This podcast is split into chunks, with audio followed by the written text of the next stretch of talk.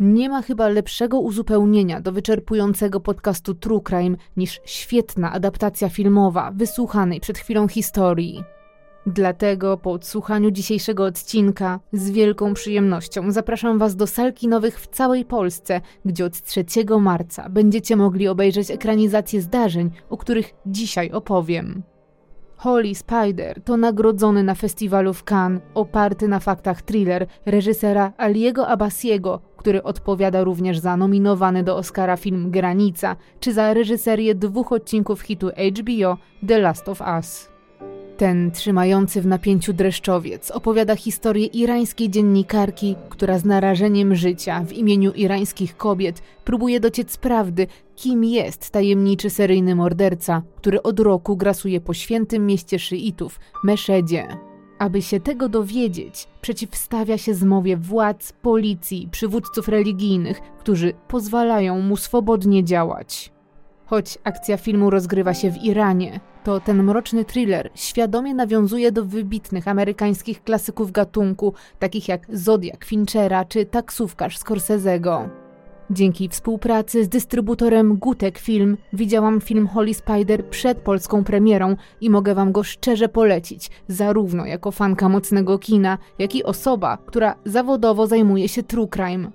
Film robi ogromne wrażenie i pozostawia w wymownej ciszy, gdy pojawiają się napisy końcowe. Zanim przejdziemy do dzisiejszego materiału, zobaczcie razem ze mną zwiastun najprawdopodobniej najlepszego thrillera True Crime tego roku.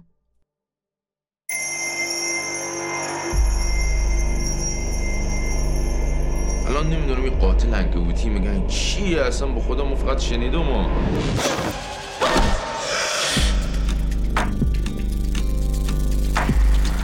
شش هفت ماه دنبالشن خب اصلا گیرش نمیار چطوره که شما هنوز سر نخی پیدا نکردید یک به یک هیچ دار از بین مبرم ما دست بردار نیام. یعنی میگن این در واقع این شخص طبق فتوا عمل می‌کنه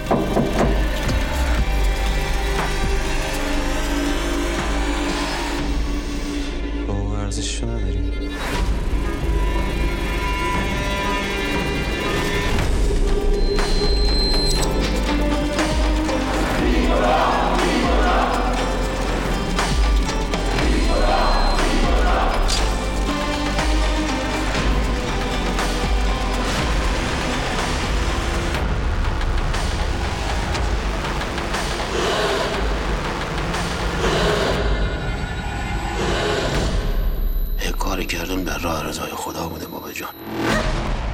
مطمئن باشین کار ما هنوز تموم نشده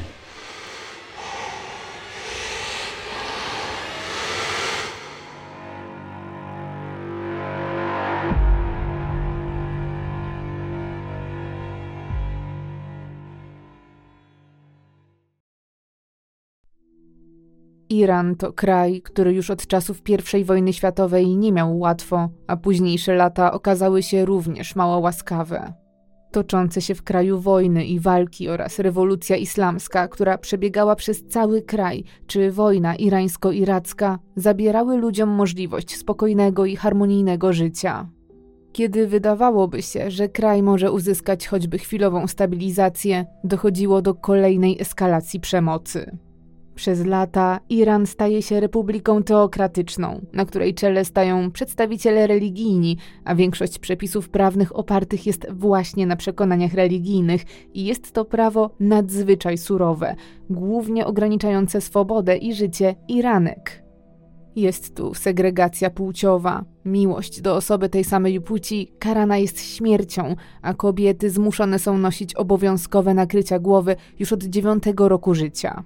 I tak, kiedy w roku 2000 kraje zachodu idą do kin, żeby zobaczyć Russella Crowe jako gladiatora, albo Toma Hanksa grającego rozbitka w Castaway, albo po prostu idą do sklepów po nową, drugą wersję PlayStation, w Iranie cenny jest każdy dolar, a kraj zmaga się z biedą, która dla niektórych jego mieszkańców oznacza życie w głodzie. Tak też jest w mieście, w którym dzieje się dzisiejsza historia.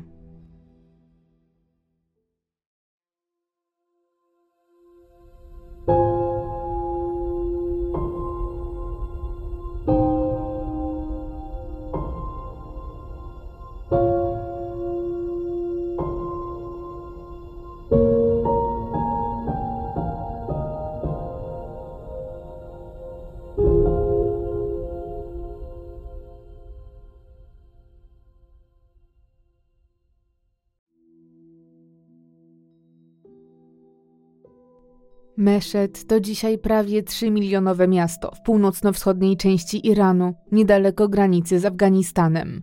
Obecnie drugie największe miasto w Iranie, a kiedyś niewielka wioska. Nazwa miasta pochodzi od słowa maszad, czyli z arabskiego miejsce męczeństwa. Nie wzięła się znikąd, bo właśnie tutaj, według szyitów, otruty został imam Reza, jeden z potomków proroka Mahometa. To tutaj też jest jego grób, który zaczął przyciągać coraz więcej wyznawców. Dlatego mówi się o Meszedzie, że jest jednym z siedmiu najświętszych miejsc szyickiego islamu. Z czasem ta mała, niegdyś nieznacząca wioska przerodziła się w miasto, gdzie liczba przybywających w ciągu roku pielgrzymów sięga około 20 milionów. Czy jednak to święte miejsce może kryć w sobie mroczne tajemnice i grzechy, które są wręcz niewybaczalne, czy też prężnie rozwijająca się metropolia o wielkim znaczeniu może być domem dla zła? Jest rok 2000. Liczba mieszkańców w Meszedzie wynosi półtora miliona. Pomimo iż na straży moralności stoi policja religijna i prawo jest bardzo surowe, a kraj mocno konserwatywny, to na ulicach nie brakuje kobiet, które sprzedając swoje ciało próbują zarobić na życie. Ich usługi kosztują zaledwie kilka dolarów, czy działkę popularnego od wieków afgańskiego opium, które jest prawdziwą plagą w tym kraju, jak i krajach sąsiadujących, a Meszet jest jednym z miast, gdzie jego sprzedaż działa prężnie i ma się dobrze, podobnie jak jego przemyt, któremu sprzyja położenie niedaleko Afganistanu. Spożywanie tej substancji jeszcze niedawno było dosłownie normą. Opium traktowano wręcz jako lek, bo podczas fali głodu był na niego sposobem, ale po czasie stało się formą rozrywki. Gdy sytuacja wymknęła się spod kontroli, zakazano go, ale razem z zakazem zaczął kwitnąć czarny rynek, a na nim pojawiła się także dużo tańsza heroina, co powoduje teraz jeszcze większe fale uzależnień. Dawna norma, która z czasem stała się poważnym problemem, okazała się być niezwykle trudna do opanowania. Nie pomaga już nic, ani obozy dla uzależnionych, ani ciężkie kary, w tym głównie kary cielesne. Nauk dotyka wielu jest silniejszy od wszystkiego innego, a w połączeniu z biedą popycha ludzi na skraj. Kobiety pracujące na ulicy, których liczba w Meszedzie według obecnych danych wynosi około 5 tysięcy, to najczęściej kobiety pochodzące z najuboższych grup społecznych. Trudna sytuacja w kraju zmusza je do balansowania wręcz na granicy życia i śmierci, bo za cudzołóstwo w Iranie grożą bardzo surowe kary. Jednak co mają zrobić, gdy mają na swoim utrzymaniu całą rodzinę, dzieci, a w dodatku nierzadko są osobami uzależnionymi, a otrzymanie pomocy, zarówno finansowej czy w wyjściu z nałogu, jest praktycznie niemożliwe. Zdesperowane kobiety chcą zapewnić sobie i swojej rodzinie chociażby możliwość zjedzenia posiłku, co jest przecież absolutnym minimum wśród podstawowych potrzeb, i są gotowe zrobić za to wszystko. Policja religijna wydaje się przymykać niekiedy oko na stojące na skraju drogi tirówki, bo tak obraźliwie nazywane są w Iranie pracownice, z których usług najczęściej korzystają właśnie kierowcy ciężarówek. A chętnych nie brakuje. Kobiety w ciągu pięciu minut potrafią znaleźć kolejnego, chętnego na ich usługi klienta. Duże zainteresowanie i łatwe pieniądze sprawiają, że często do swojej pracy zostają zmuszane i to nie tylko przez ciężką sytuację życiową, ale też przez swoich uzależnionych mężów, którzy wyrzucają kobiety na ulicę, grożąc, że jeżeli nie przyniosą do domu pieniędzy, nie zostaną do niego wpuszczone. Dla większości mieszkańców takie kobiety to bezużyteczne jednostki, które przynoszą głównie wstyd świętemu miastu, są praktycznie na samym szarym końcu społeczeństwa. Dlatego, kiedy w sierpniu 2000 roku nagle w przeciągu zaledwie kilku dni odnalezione zostają zwłoki trzech kobiet właśnie z tego smutnego marginesu, nie powoduje to żadnego poruszenia i właściwie nikt nie przejmuje się śmiercią tych kobiet karaluchów, jak to mówią o nich w mieście. 7 sierpnia zwłoki 30-letniej samotnej matki Afsany odnaleziono na uboczu jednej z dróg.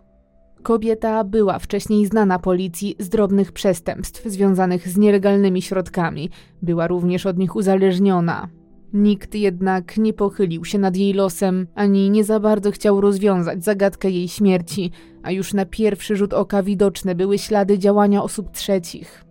Kobieta została prawdopodobnie uduszona chustą, którą nosiła na głowie, a następnie wyrzucona jak śmieć, bo właśnie tak postrzegało ją społeczeństwo. Leila, której ciało odkryto zaledwie trzy dni później na polu pomidorów, także pracowała na ulicy i również jak poprzednia ofiara została uduszona przez swojego oprawcę. 17 sierpnia życie straciła kolejna kobieta, Fariba. Sprawca w jej przypadku działał podobnie. Udusił ofiarę, a jej ciało ukrył w żółtym jutowym worku i porzucił tam, gdzie prawdopodobnie było jej dotychczasowe miejsce pracy przy drodze. Wszystkie te kobiety łączyła ta sama praca, a ich ciała leżały porzucone na uboczu, ale jednocześnie w takim miejscu, w którym łatwo było je wypatrzyć, zupełnie jakby ktoś chciał, aby je odnaleziono.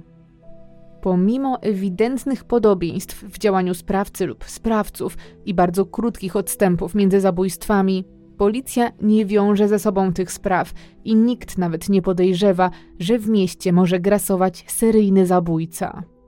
Sprawy te zamiatane są pod dywan przez policję, bo tak naprawdę zupełnie nikogo z mundurowych nie obchodzi to, że w przeciągu dwóch tygodni życie straciły aż trzy kobiety. Nie są one warte zainteresowania. Nikt też nie martwi się o to, czy będą następne, czy zagrożone jest życie innych, także tych niekoniecznie z marginesu społeczeństwa. To właśnie irańskie realia działania policji, podejścia do kobiet, czy w ogóle do praw człowieka. Tu nawet rodziny ofiar nie domagają się sprawiedliwości ani zadośćuczynienia. Wiedzą, że ujawnienie się jako bliscy kobiet, które sprzedawały swoje ciało, wiąże się z ogromnym wstydem i hańbą na mieniu całej rodziny.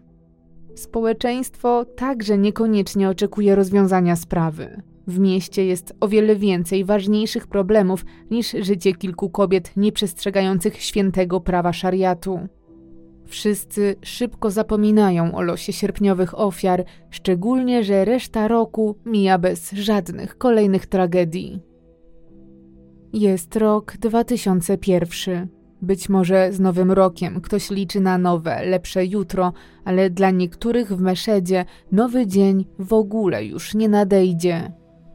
Ciągu kilku kolejnych miesięcy nad miastem znowu kłębią się czarne chmury, bo natrafiono na następne ciała.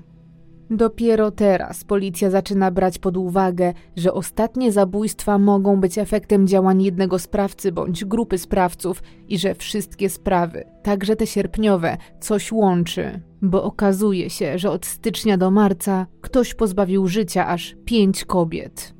Kolejno 3 stycznia, 16 lutego, 29 lutego, 19 marca i 23 marca. Masume, Sara, Azam, Sakine oraz Hadidża, wszystkie z nich straciły życie jedna po drugiej i wszystkie pracowały na ulicy.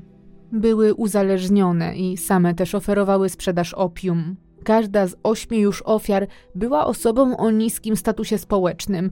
Kobiety te wyglądały na zaniedbane, ich higiena osobista była wątpliwa, a część z nich miała ogromne ubytki w uzębieniu. Każda z nich została też pozbawiona życia w dokładnie ten sam sposób poprzez uduszenie własną chustą, którą kobiety nosiły jako obowiązkowe nakrycie głowy. Następnie sprawca w charakterystyczny sposób oplatał nią ofiary i porzucał na uboczu. To wręcz niemożliwe, żeby za sprawą wszystkich tych niezwykle podobnych ośmiu morderstw stała inna osoba. Sposób odbierania życia oraz okoliczności są praktycznie takie same, podobnie jak typ wybieranych ofiar. Zawsze są to kobiety pracujące na ulicy, pochodzące ze społecznych nizin, takie, o które nikt poza rodziną nie zapyta, gdy nagle znikną. Czasami takich zaginięć nikt wręcz nie zauważy, albo wręcz przeciwnie, będzie ono wszystkim na rękę. Kiedy kwiecień przynosi kolejną, dziewiątą już ofiarę, 35-letnią Marizę, podobnie jak wcześniej, uduszoną swoją chustą, porzuconą gdzieś na brzegu drogi, ale w takim miejscu, aby mogła zostać odnaleziona, prasa zaczyna interesować się tematem i chętniej pisze o tajemniczych morderstwach kobiet. Dziennikarze z przerażeniem zaczynają wyliczać ofiary i przypominają także o tych z roku poprzedniego. Wcześniejsza obojętność zaczyna przeradzać się w zainteresowanie, ale i w szok, kiedy dwa dni później, 14 kwietnia, odnalezione zostają zwłoki Mariam, 15 kwietnia kolejne 35-letniej Tubi i kolejne 24 kwietnia młodej kobiety o imieniu Ezra. Nikt już nie potrafi udawać, że nic się nie dzieje. Teraz mówi się głośno, że każda ta śmierć musi się łączyć, a na jaw wychodzi, że nawet pozycje, w jakich zostały ułożone zwłoki, niewiele się od siebie różniły. Dopiero teraz, gdy wiadomo o dwunastu ofiarach, na mieszkańców Meszedu pada blady strach, głównie na kobiety z tego samego środowiska co ofiary, ale nie tylko. Nikt nie wie przecież, czego można spodziewać się po osobie odpowiedzialnej za te ataki. Z jednej strony pojawia się więc nacisk na służby, aby jak najszybciej ująć sprawcę czy sprawców, z drugiej jednak słychać głosy, że właściwie to nie dzieje się nic złego. Prawo szariatu nakazuje przecież kamienować kobiety dopuszczające się nierządu. Pojawia się więc społeczna dyskusja, czy osoba popełniająca te zbrodnie rzeczywiście robi coś złego. Prawo szariatu co prawda zabrania mordowania, ale zabrania także grzechu cudzołóstwa. Mieszkańcy miasta, bez względu na to, po której stronie stoją, nie czują się jednak pewnie i zaczynają domagać się odpowiedzi na pytanie, kim jest sprawca i jakie są jego pobudki. Ale ta sprawa nie wydaje się być wcale łatwa do rozwiązania. Policji brakuje tropu oraz jakichkolwiek dowodów, które mogłyby naprowadzić śledztwo na właściwy tor. Nie ma też żadnych świadków. Prasa wywiera jednak presję i nadaje szaleńcowi przydomek zabójcy pająka, dlatego że każda z kobiet uduszona była swoją chustą, a następnie została wręcz opleciona czadorem, czyli tradycyjnym irańskim strojem kobiety wywodzącym się z Koranu, którego zadaniem jest zasłonić ciało. Sprawca postępuje więc zupełnie jak pająk, który oplata kokonem swoje ofiary po tym, jak te wpadły w jego zabójczą sieć. Kiedy policja zaczyna swoje nieco chaotyczne działania, okazuje się, że być może ich niewygodny problem rozwiąże się sam, bo pod koniec kwietnia następuje przełom, którego nikt się nie spodziewał. Na policję zgłasza się 22-latek, który twierdzi, że to właśnie on jest sprawcą, a jako przyczynę swojego działania podaje chęć oczyszczenia miasta z takich brudów, jakimi według niego były te kobiety. Ale nadzieję, że ta teraz rozdmuchana już w mediach sprawa za moment zostanie zamknięta, szybko gasną. W toku przesłuchania okazuje się, że chłopak, który jest rzekomym pająkiem, nie ma pojęcia o żadnych szczegółach przebiegu zbrodni i prawie od razu zostaje uznany za oszusta. Śledczy są już przekonani, że przyznaje się do popełnienia zbrodni prawdopodobnie tylko po to, żeby zdobyć rozgłos i uznanie innych jako przykładnego, religijnego obywatela robiącego przysługę swojemu miastu i Bogu. To zamieszanie sprawia, że wokół zbrodni pająka zaczyna robić się jeszcze głośniej, a przy tym tworzą się plotki i różne historie. Jedni uważają nawet, że ze względu na profesję oraz ogólny obraz życia ofiar za zabójstwami może stać radykalna grupa religijna. Nierząd uważany jest za grzech śmiertelny, a uprawianie go w tak świętym mieście jak Meszet jest po prostu niedopuszczalne. Czy więc to radykałowie stoją za morderstwami i czy w mieście, gdzie władze nie radzą sobie z tym problemem, to inni wzięli sprawy we własne ręce? Niektórzy uważają wręcz, że być może grupa ta ma dostęp do akt policyjnych, bo dotychczasowe ofiary miały swoje kartoteki i znane były miejskiej policji. Dostęp do akt ułatwia zatem identyfikację takich kobiet na ulicy oraz skrupulatne zaplanowanie zbrodni. Być może dlatego sprawca jest nie tylko tak skuteczny, ale i trudny do zatrzymania. Taką teorię opisują także lokalne gazety i chociaż wydaje się być ona prawdopodobna, bo przecież w przeszłości zdarzały się ataki na zachodnie i grzeszne formy rozrywki, jak na przykład na kina, to czy faktycznie religijne zgrupowanie działałoby po cichu? Czy radykałowie nie byliby dumni ze swojego planu oraz udanych ataków przeciwko ludziom postępującym wbrew Bogu? Inni za to uważają morderstwa za polityczną grę, która ma na celu osłabić uznanie panującego prezydenta Hatamiego i oddalić go od zwycięstwa w następnych wyborach. Śledczy za to mają swoją teorię, która mówi o jednym sprawcy, który absolutnie nie działa z pobudek politycznych, ale prawdopodobnie religijnych, choć może być to tylko przykrywka dla jego chorego umysłu. Jednak bez względu na to, co kto myśli, mieszkańcy zaczynają czuć się coraz bardziej niepewnie. W całym zeszłym roku doszło do 41 zabójstw, a teraz co jakiś czas w taki sam sposób giną kobiety, a policja zdaje się, że zupełnie nie potrafi sobie poradzić z ustaleniem sprawcy bądź sprawców.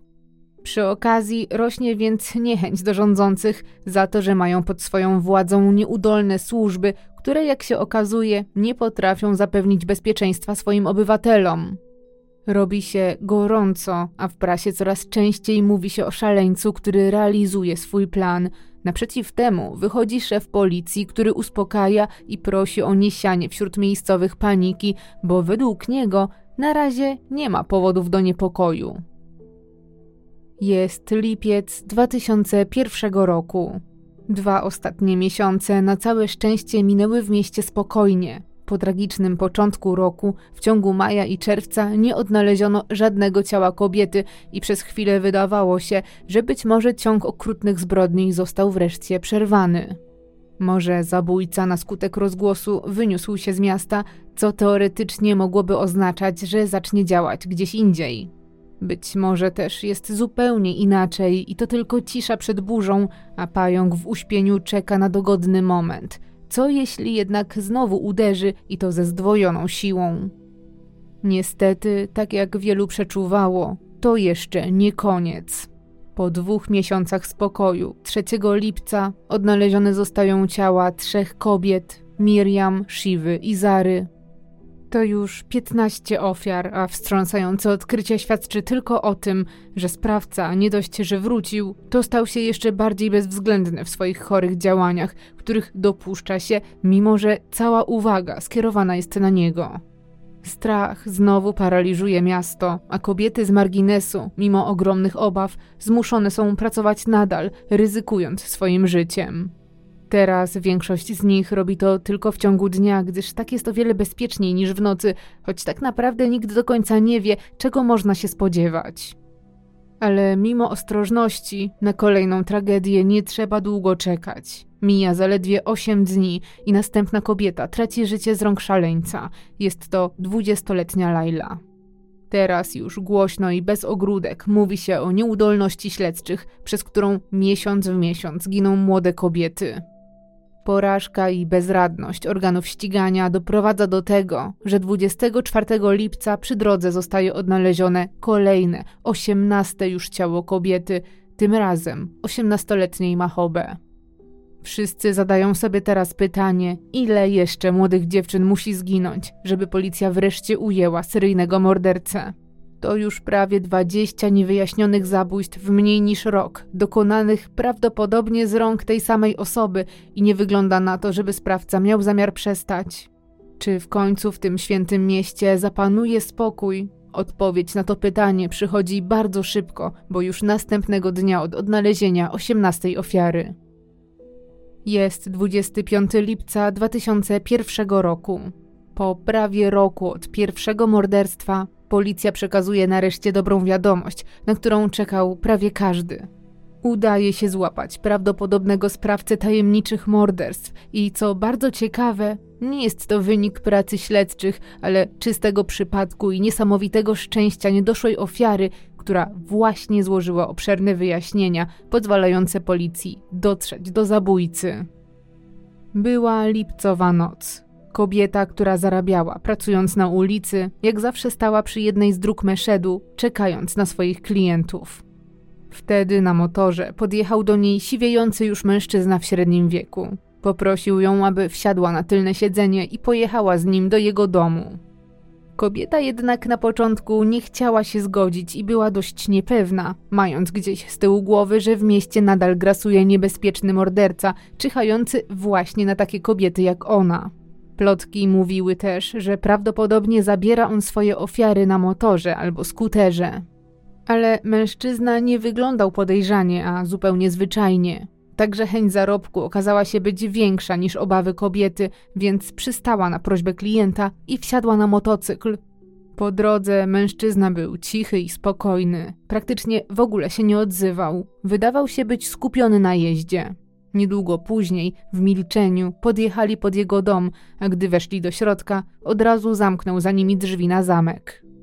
Kobieta, niczego nie podejrzewając, zaczęła ściągać swoje nakrycie głowy, ale zanim na dobre je zdjęła, mężczyzna od razu rzucił się na nią od tyłu i próbował udusić jej własną chustą. Zaskoczona i przerażona, zaczęła walczyć ze swoim oprawcą, ale napastnik był silny i wkładał w atak całą swoją energię. W tych ułamkach sekund zaatakowana kobieta zrozumiała, że jej pierwsze przeczucie było słuszne. Trafiła na seryjnego mordercę. Wiedziała też, że jeżeli teraz nie zrobi wszystkiego, co tylko możliwe, to zaraz straci życie i skończy jako kolejna porzucona przy drodze ofiara. Jej wola życia okazała się być ogromna i zbiła z tropu napastnika. Najpierw dość mocno go podrapała, a następnie uderzyła go z całej siły w brzuch, co nie dość, że go wyraźnie zabolało, to jeszcze mocno zdziwiło. Mężczyzna chwilowo odpuścił atak, czym dał szansę swojej ofierze na reakcję. Kobieta wykorzystała moment i natychmiast rzuciła się do ucieczki, ale drzwi wejściowe były zamknięte na klucz. Wiedząc, że teraz walczy już o swoje życie, wybiła okno, robiąc przy tym sporo hałasu i zaczęła wołać o pomoc, co wyraźnie wystraszyło jej oprawcę. Już wtedy nic nie szło po jego myśli. Jego standardowy plan działania runął. Mężczyzna znalazł się w niecodziennej sytuacji, z której nie potrafił znaleźć wyjścia. Żadna z kobiet nie była do tej pory tak waleczna i ostatecznie ta okazała się być silniejsza i sprytniejsza niż on. Oprawca wpadł w panikę. Zaczął prosić swoją ofiarę, żeby była cicho. Błagał o spokój, mówiąc, że ma żony i dzieci i że nikt nie może dowiedzieć się, co robi nocami. Kobieta, korzystając z chwilowej uległości napastnika, uciekła na tyły domu, którego okna wychodziły na alejkę, na której zawsze ktoś spacerował. Zagroziła mężczyźnie, że powybija i te okna, jeżeli natychmiast nie puści jej wolno. To zadziałało. Agresor, zdaje się już nie wiedząc, co robić dalej, wypuścił ją ze swojego mieszkania. Kobieta, boso, ale z pełnią sił, uciekła z jego domu. Bardzo długo biła się z myślami, czy powinna powiadomić policję. Wiedziała, że jeśli powie, jak znalazła się w jego domu, to kara dosięgnie także ją. Cudzołoży, w dodatku jest uzależniona od opium i była już znana policji z przestępstw związanych z nielegalnymi substancjami. Jeśli wyjawi policji, dlaczego pojechała z oprawcą, pewnie czeka ją ukamienowanie albo biczowanie. Ostatecznie postanowiła nie mówić nic, jednak to policja po tygodniu od zdarzenia zgłosiła się do niej sama.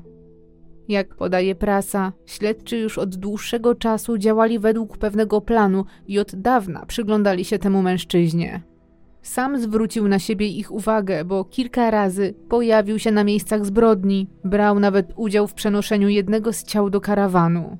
Raz prawie już go aresztowano, ale mężczyzna wytłumaczył się, że nie ma pojęcia o żadnych morderstwach, a na miejscu pojawił się przez przypadek, bo zwyczajnie się zgubił.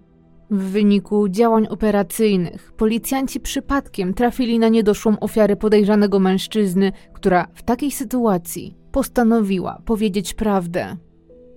Aresztowanym mężczyzną jest Said Hanai, który przyszedł na świat w roku 1962 jako jeden z szóstki dzieci swoich rodziców.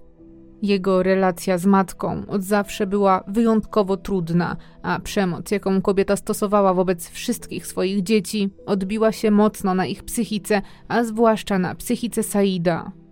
Matka biła zarówno jego, jak i jego siostry i braci, i z pewnością nie były to lekkie klapsy.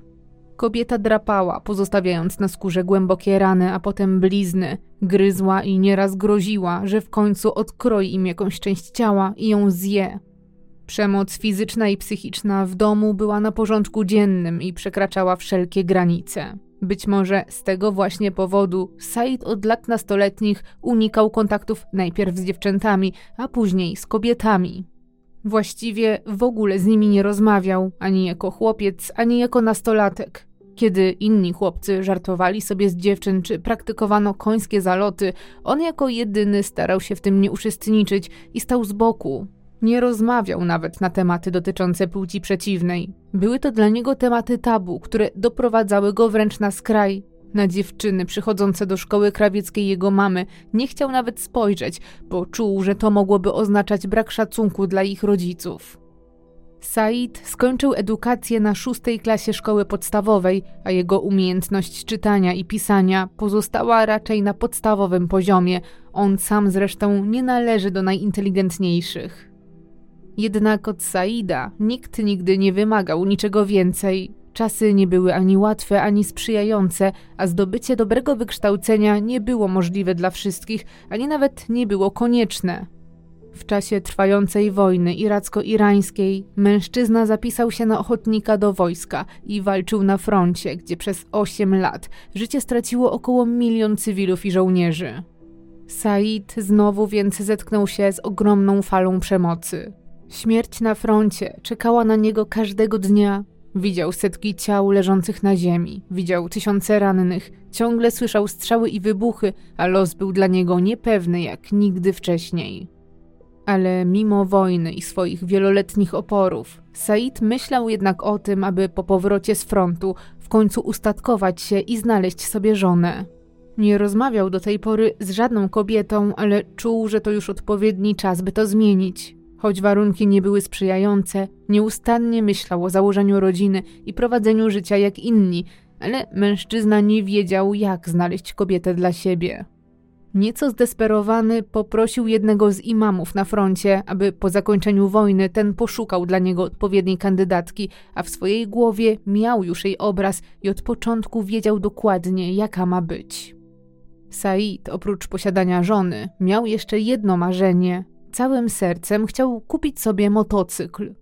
Kiedy w końcu nabył pojazd marzeń, nie wszyscy cieszyli się z jego nowego nabytku. Brat Saida był pełen obaw, że ten, podekscytowany jazdą, będzie jeździł zbyt brawurowo i w końcu spowoduje jakiś wypadek, który być może przypłaci nawet swoim życiem.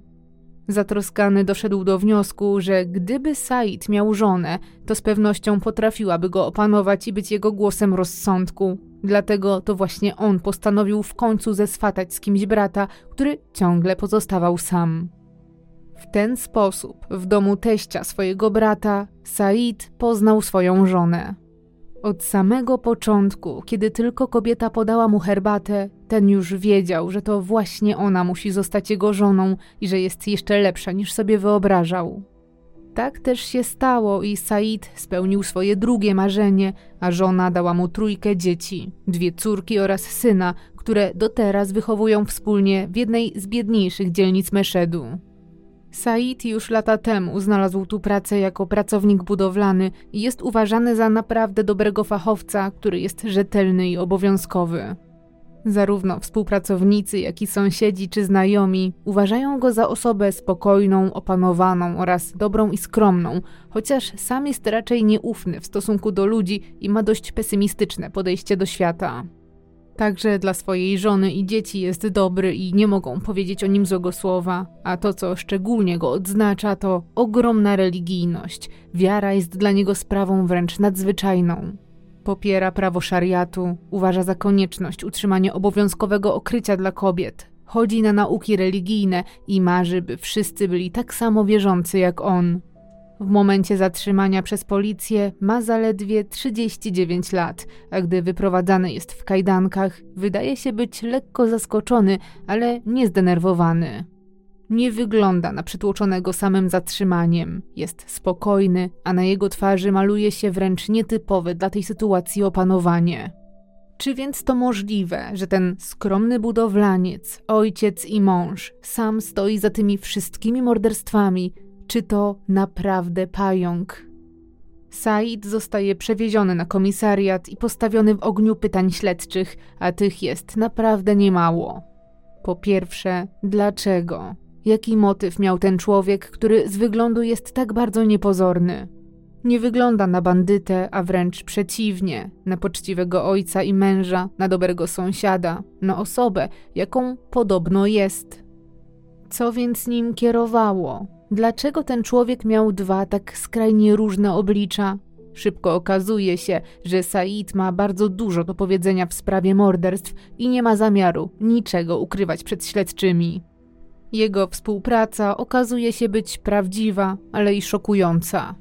Już na wstępie mężczyzna zaznacza, że jest dumny z każdego popełnionego przestępstwa i nie żałuje ani jednego pozbawionego życia. Nie jest mu nawet trochę przykro i smutno, że być może zabił czyjąś matkę czy córkę.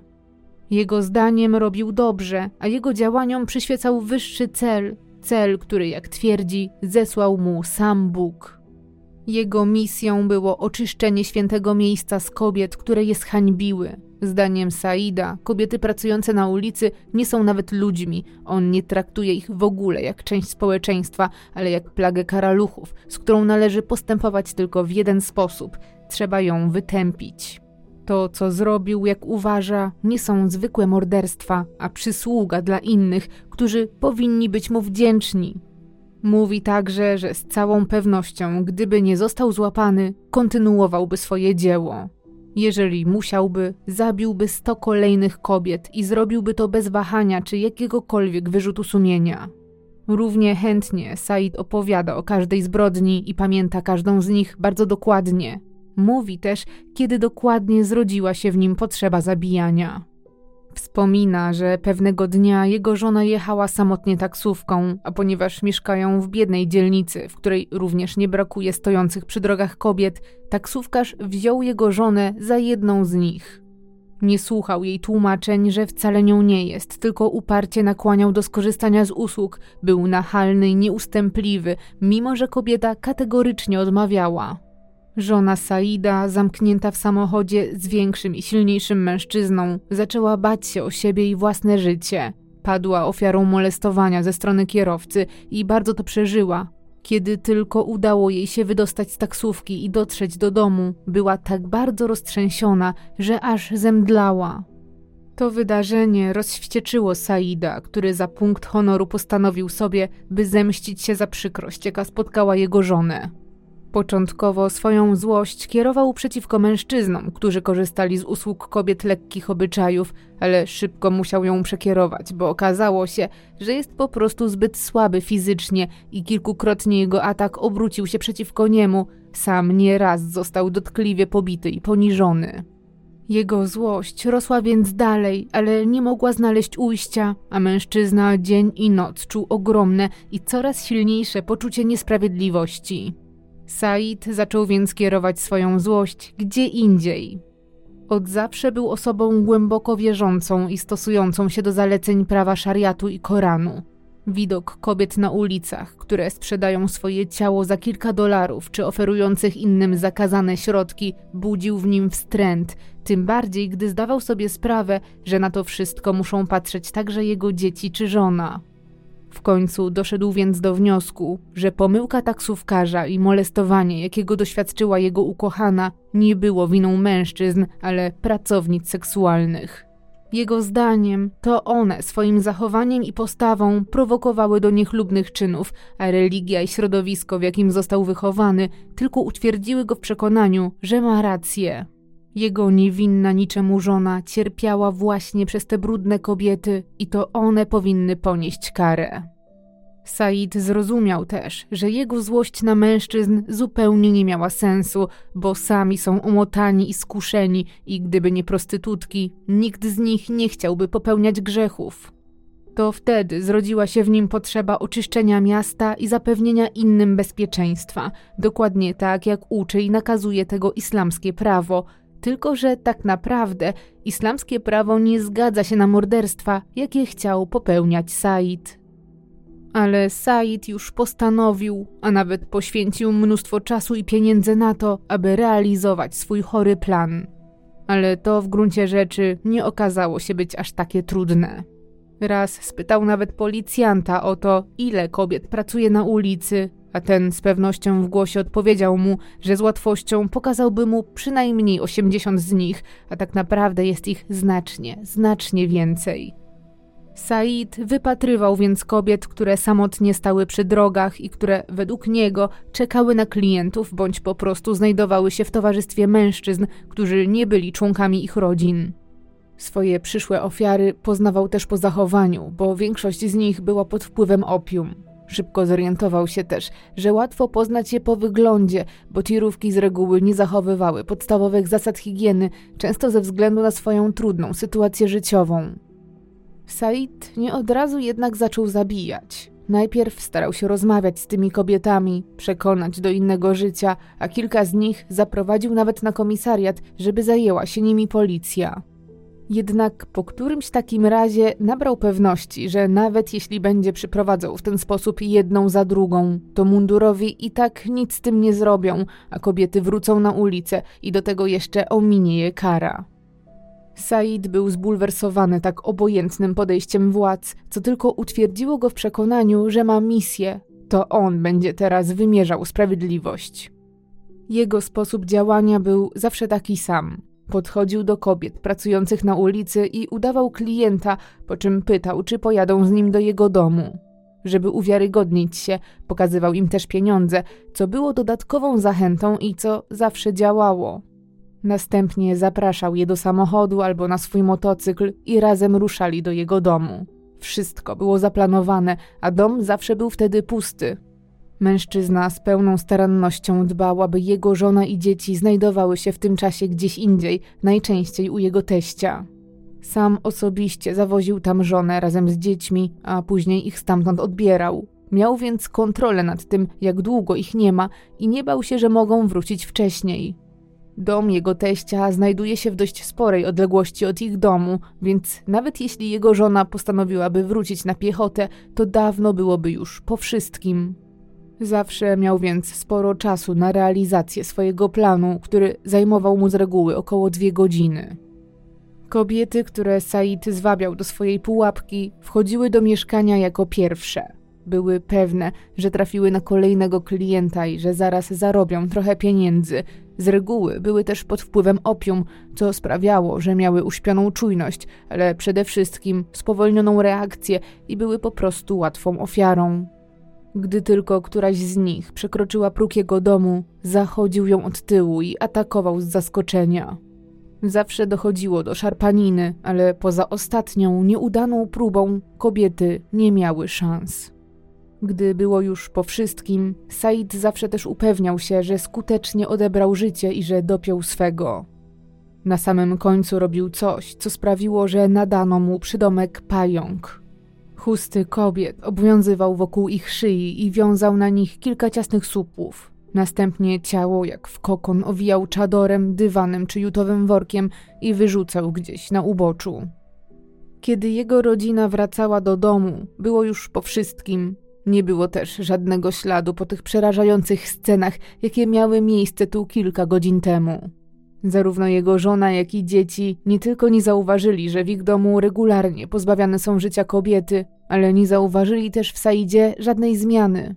Mężczyzna zachowywał się tak samo jak wcześniej, a zabijanie najwyraźniej nie robiło na nim kompletnie żadnego wrażenia. Said popełnił jednak ogromny błąd, bo czasami wracał na miejsce porzucenia ciała, żeby sprawdzić, czy to zostało już odnalezione i jak na znalezisko zareagowali inni ludzie. Bo to właśnie zdanie innych było dla niego w tej kwestii bardzo ważne i skrycie liczył wręcz na uwielbienie za to, co robił dla społeczeństwa. I niestety, ale otrzymywał dokładnie to, czego chciał, a jego zabójcze zapędy tylko rosły w siłę. Nie brakowało popierających go ludzi. Nawet wśród polityków i wysoko postawionych osób pojawiały się głosy, że zabójca pająk postępuje właściwie. Ludzie brzydzili się tymi kobietami, które za kilka dolarów były w stanie oddać swoje ciało nieznanemu mężczyźnie i to nie jednemu, a nawet kilkunastu dziennie. Były dla nich brudne, grzeszne, roznosiły choroby, jak wielu określało, były zupełnie jak pluskwy. były hańbą dla państwa, gdzie największą rolę odgrywa przecież religia, a ta jasno mówi, gdzie jest miejsce takich kobiet. Kiedy Said dowiadywał się, że ma poparcie, że ludzie przyklaskują jego działaniom, pogłębiał się w swojej obsesji, a zabijanie z czasem stało się jego uzależnieniem, przez które ciężko było mu zasnąć. Mężczyzna codziennie przed snem wyobrażał sobie, jak odbiera życie po raz kolejny w imię Boga. Wydawało mu się, że głosy, które są przeciwko niemu, nie istnieją, jednak były i takie, ale niestety w mniejszości. Said momentami był też rozdarty. Czasami zatrzymywał się koło więzienia i zastanawiał, kiedy i on zostanie złapany. Wiedział, że kiedyś tak się stanie, a kara, która go spotka, będzie surowa, bo tak właśnie działa prawo. Jednak nie bał się i czekał, aż w końcu nadejdzie ten dzień i będzie mógł kąpać się w swoich pięciu minutach sławy jako bogobojny wyznawca realizujący Boży plan.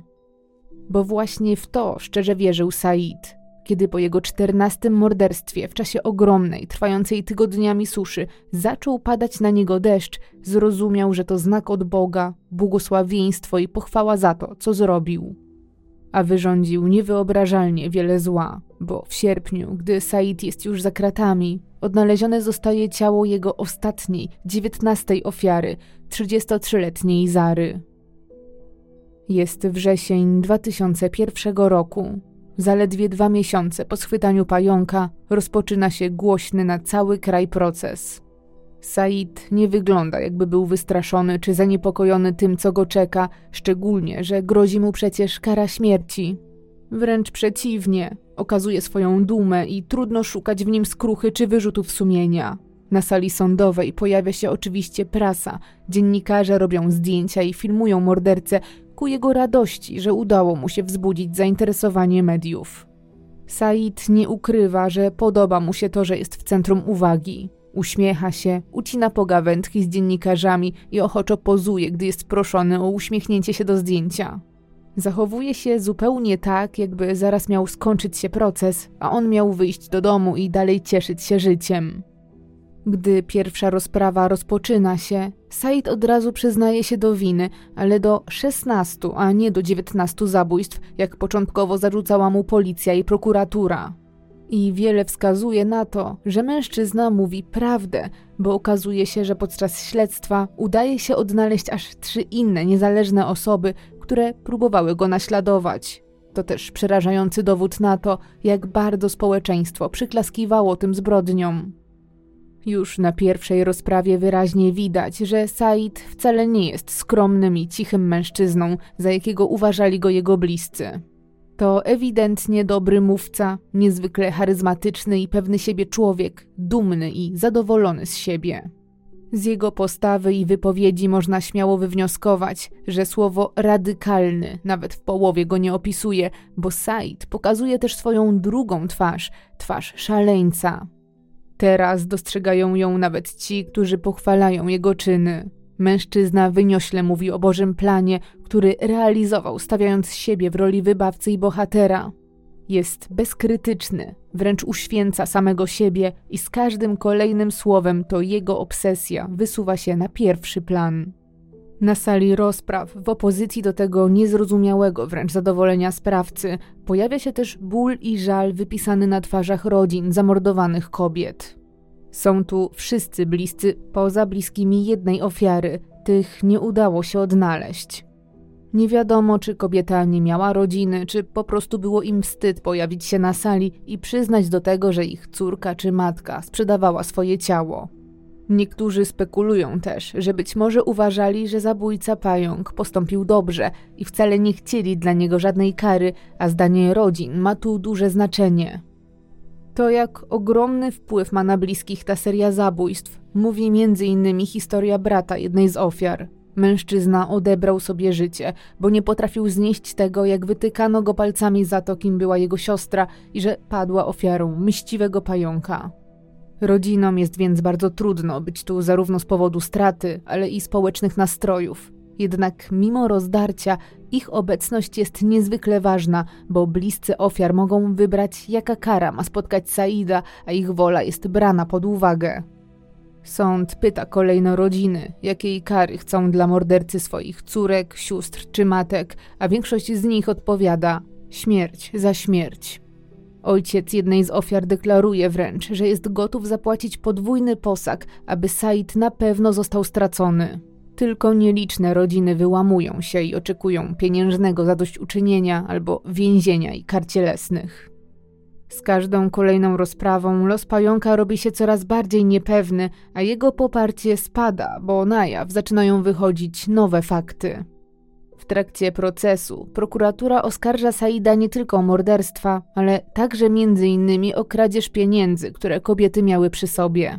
Gdy pająk poproszony jest o ustosunkowanie się do tego niezbyt chlubnego czynu, szybko znajduje wytłumaczenie i zaznacza, że nie powinno się tego uważać za kradzież, bo wydał te pieniądze na potrzeby kolejnych zbrodni i tym samym dla społeczeństwa.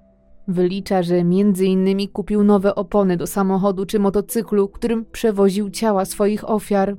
Jak tłumaczy, te pieniądze nie były więc skradzione, a przeznaczone na dalsze konieczne działania. Ale to nie koniec absurdów, bo prokuratura wylicza kolejne grzechy, które nie pasują do człowieka, który przedstawia się jako strażnik prawa. Said oskarżony zostaje także o podrabianie biletów komunikacyjnych, czy w końcu o cudzołożenie, co oznacza jedno: pająk wcale nie był tak święty, na jakiego się kreował. Chociaż teraz uparcie zaprzecza, to jego słowa obalają wyniki ekspertyz, które jasno wskazują, że ofiary na chwilę przed śmiercią odbyły stosunek. Jest to więc ciężki grzech, za jaki pająk potępiał i mordował swoje ofiary, a do którego sam się dopuszczał, a przecież w jego własnej opinii współżycie z prostytutką jest czymś gorszym niż samo morderstwo. Ten moment procesu zmienia absolutnie wszystko, a wielu zaczyna wątpić w to, czy to, czego dopuścił się Said, faktycznie wynikało z pobudek czysto religijnych, czy w rzeczywistości mężczyzna tylko zasłaniał się fanatyzmem, żeby wytłumaczyć swoje chore pożądanie, którego nie potrafił zatrzymać. Wszyscy zastanawiają się też, skąd te przerwy, które występowały między zabójstwami, ale powód okazuje się prozaiczny, a Said tłumaczy to tym, że miał dużo pracy i mało czasu. Gdy jest już zapędzony w kozi róg, zdradza też, że czasami miewał wyrzuty sumienia, ale tylko odnośnie swojej żony i dzieci. Głównie martwił się o to, jak zniosą wiadomość o tym, że to on jest zabójcą pająkiem i obawiał się tego, jak będzie traktowało ich społeczeństwo. Kolejne rozprawy odbywają się w późniejszym terminie niż zakładano, a to dlatego, że adwokat Saida zrezygnował z bronienia go, zasłaniając się problemami z sercem oraz zwolnieniem lekarskim. Pająk dostaje więc innego obrońcę, który stara się przedstawić oskarżonego jako człowieka prawego, który w imię islamu zaprowadza ład w społeczeństwie i że to właśnie Said powinien otrzymać łaskę społeczeństwa i trafić do serca ludzi, a nie kobiety, których życia pozbawił, bo działał w sposób dobroczynny. Prawnik zwraca jednak uwagę na problemy psychiczne swojego klienta, na które jest zresztą dokumentacja medyczna, ale też na ewidentną bigoterię, co w dużym skrócie oznacza nadgorliwość religijną. Z tym ostatnim głośno nie zgadza się jednak ani sędzia, ani prokurator. Nie dają wiary w to, że Said działał z pobudek religijnych. Dla nich jest jasne, że pająk tak naprawdę działał z innego powodu, a było nim głównie zaspokojenie swoich chorych rząd. Bo przecież gdyby mężczyźnie faktycznie zależało na ukaraniu tych kobiet, dążyłby do tego, aby stało się to zgodnie z panującym prawem. Czy rzeczywiście odczuwał do nich wstręt, skoro przecież z nimi współżył? Czy brzydził się tym, co robią, a mimo tego okradł je na łącznie około 4000 tomanów, czyli niemal 7000 dzisiejszych złotych? Pojawiają się też kolejne nieścisłości w narracji Saida, gdy głos zabiera jedna z córek ofiary, która rozmawia z dziennikarzami. Wyznaje, że gdyby jej mama faktycznie pracowała na ulicy i była uzależniona, to na pewno nigdy nie pojawiłaby się w sądzie, ani nie stanęłaby przed kamerami, bo wstydziłaby się za nią i za to, co robiła dla pieniędzy. Jednak jest tutaj, rozmawia ze światem, co świadczy tylko o tym, że jej mama była zupełnie zwyczajną kobietą, która nie łamała prawa, a mimo tego zginęła z rąk pająka. W ten sposób córka ofiary chce zamanifestować, że albo morderca się pomylił, albo zaczęło mu być wszystko jedno, kim jest dana kobieta i nie było w tym żadnego rzekomego wyższego celu. Kontrowersji nie brakuje, a gazety rozpisują się, gdy Said na jednej z rozpraw zagaduje nawet sędziego, że zdążyli się już poznać wcześniej na jednym z miejsc zbrodni. Jak się okazuje, pająk był tam, bo chciał być na miejscu, kiedy ktoś odnajdzie ciało. Jak teraz przyznaje, nawet rozmawiali chwilę, a Said głośno wypowiadał się na temat niezadowolenia, jakie przynosi mu mieszkanie w otoczeniu kobiet lekkich obyczajów i że drażni go to, że w ogóle istnieją.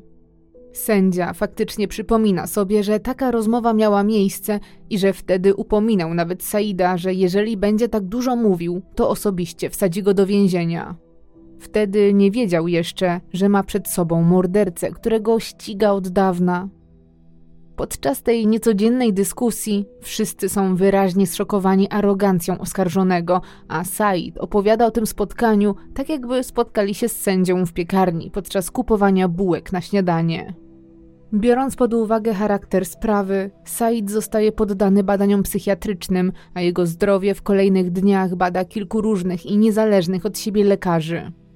I rzeczywiście wychodzi na jaw, że Said w przeszłości dwukrotnie przebywał w szpitalu psychiatrycznym. Raz dlatego, że powybijał swojemu pracodawcy okna w zakładzie pracy właściwie bez żadnego powodu. Jak się teraz okazuje, ani za pierwszym, ani za drugim razem nie skończył swojego leczenia, bo uciekał ze szpitala. Okazuje się też, że to właśnie przez problemy związane z jego zachowaniem został zwolniony ze służby wojskowej. Ale chociaż w przeszłości problemy występowały, to aktualna opinia biegłych mówi jednak jasno: Said w trakcie popełniania swoich czynów był w pełni poczytalny i doskonale zdawał sobie sprawę z tego, do czego mogą doprowadzić jego działania. Dodatkowo jest osobą aspołeczną i zaburzoną, ale biegli nie stwierdzają u niego żadnej choroby psychicznej, jakiej doszukiwała się jego obrona. To tylko potwierdza to, co sąd podejrzewał już od początku toczącego się postępowania. Popełnione przez Saida zbrodnie ani nie były społecznie potrzebne, ani zgodne z prawem islamskim.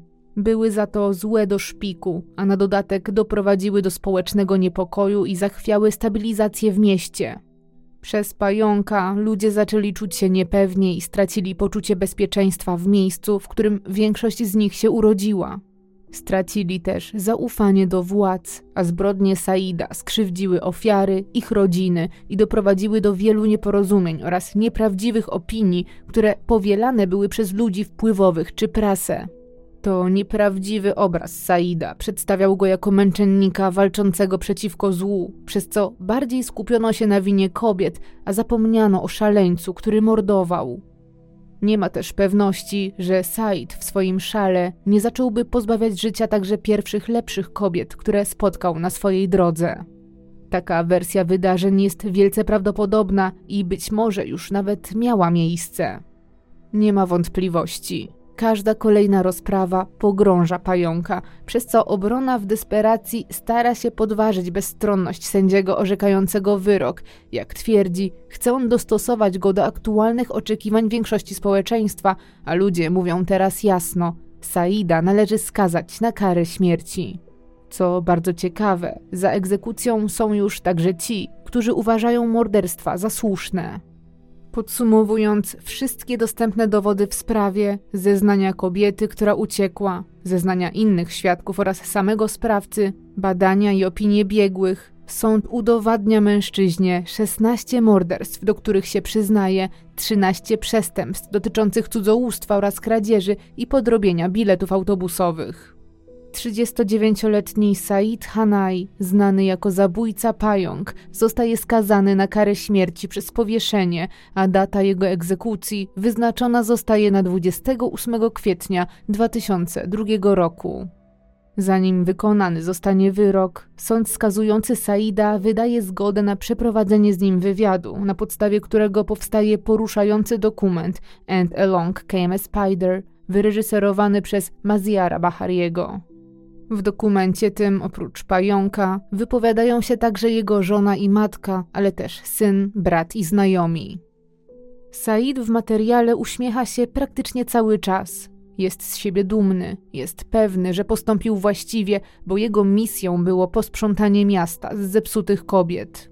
O zbrodniach opowiada z łatwością i w taki sposób, jakby mówił o patroszeniu kurczaka, choć przyznaje, że właściwie wobec zwierząt ma więcej współczucia niż wobec swoich ofiar. Mówi też prosto do kamery, że nigdy nie miał wyrzutów sumienia, ale też, że poczuł ulgę, kiedy w końcu go złapano, bo to, co robił, trochę mu ciążyło i nie mógł o tym z nikim porozmawiać. Opowiada też o swoim życiu, o tym, jak poznał żonę, o tym, jak zaczął zabijać i dlaczego. Mówi także, że jest nieco zły na prasę, bo pisali o nim, że jest mordercą kobiet ulicy, podczas kiedy on uważa, że jest aktywistą przeciwko kobietom ulicy. Patrząc na niego i jego postawę, ciężko wywnioskować, czy mamy do czynienia z religijnym fanatykiem, czy po prostu z psychopatą. W dokumencie jego rodzina wyznaje, że choć początkowo bali się reakcji społeczeństwa, to szybko zrozumieli, że czyny wyrządzone przez Saida nie są powodem do wstydu, a do dumy. I faktycznie, zarówno żona, jak i jego kilkunastoletni syn wypowiadają się o mężu i ojcu w samych superlatywach. Jego żona mówi, że jej mąż jest dobrym człowiekiem i pomimo straszliwych zbrodni, jakie popełnił, nie zostawiłaby go i ciągle go wspiera. Czuje się też teraz ważna i uważa, że jej mąż postępował słusznie, bo wina leży po stronie kobiet, które wsiadają do aut obcych mężczyzn i sprzedają swoje ciało. Syn Saida wspomina, że po aresztowaniu swojego ojca nie chciał wychodzić z domu i był dosłownie jak zombie. Nie wiedział, co czeka go, kiedy wyjdzie na podwórko.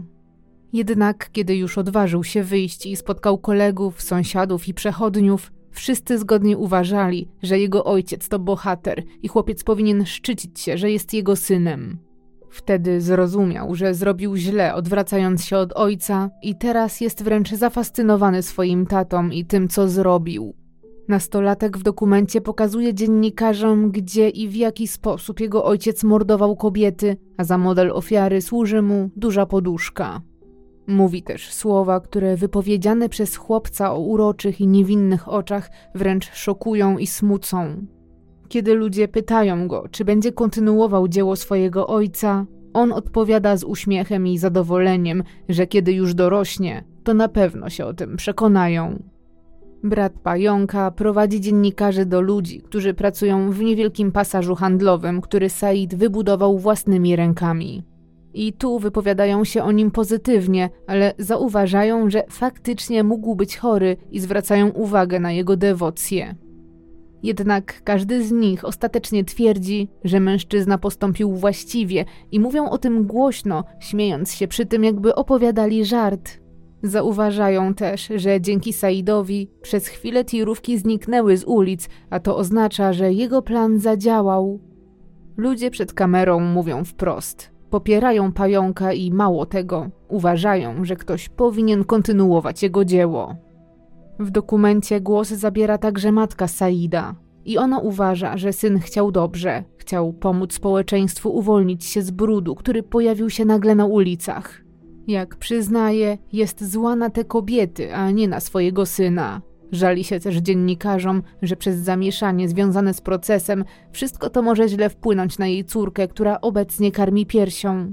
Nie współczuje ofiarom, uważa, że dostały to, na co zasłużyły. Właściwie według niej ofiara jest tylko jedna jej syn, bo to przez te kobiety zniszczył sobie życie. Dokument pokazuje także dwie rodziny ofiar.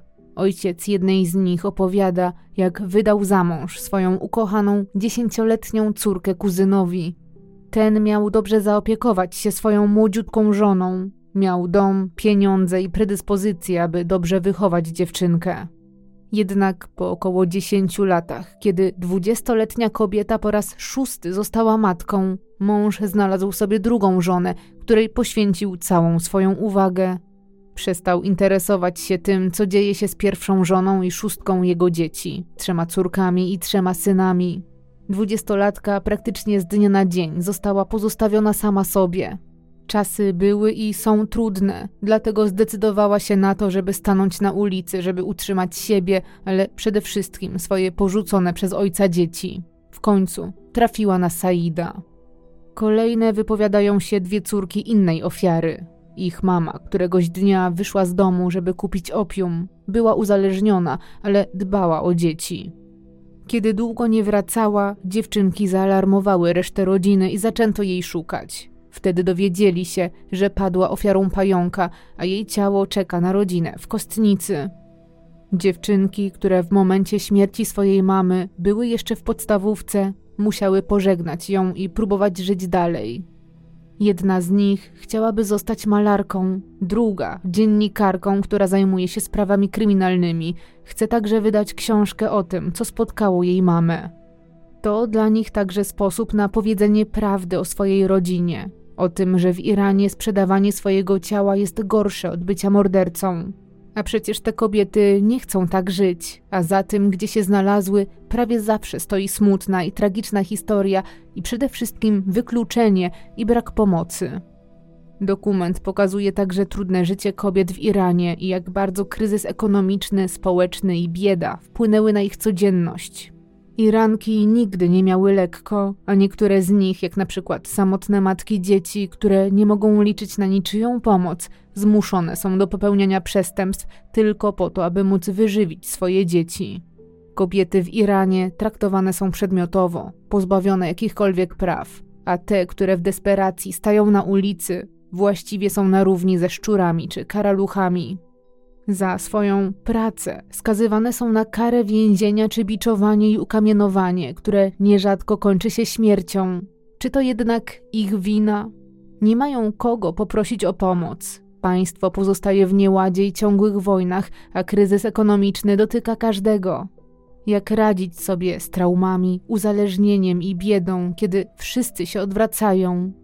Wypowiadająca się w dokumencie pracownica seksualna podsumowuje tę smutną prawdę słowami, że właściwie śmierć przyniosłaby ulgę i zakończyła jej ziemskie cierpienie. Said Hanai, zgodnie z wyrokiem, zostaje stracony 28 kwietnia 2002 roku. Jego wiszące ciało również pokazano w dokumencie. Kim był Said? Fanatykiem religijnym, który chciał, aby jego święte miasto nie było skażone grzesznikami, czy zwykłym mordercą, który z religii zrobił sobie podkładkę i wytłumaczenie dla swoich dewiacji. Czy to stosująca przemoc matka wzbudziła w nim niechęć do kobiet, czy była to bardziej wina religijnych radykałów, wśród których się wychowywał, a może jedno i drugie? Bo jak chłopak, który nawet nie chciał rozmawiać o dziewczynach, stał się mężczyzną, który pozbawił życia aż 16 kobiet. Czy to wina kraju, w jakim się wychowywał, surowego i pełnego przemocy prawa szariatu, niesprawiedliwego podziału społeczeństwa? A może to zespół stresu pourazowego, który był wynikiem wojny, w jakiej Said brał udział? Już wtedy przecież zauważono, że dzieje się z nim coś złego.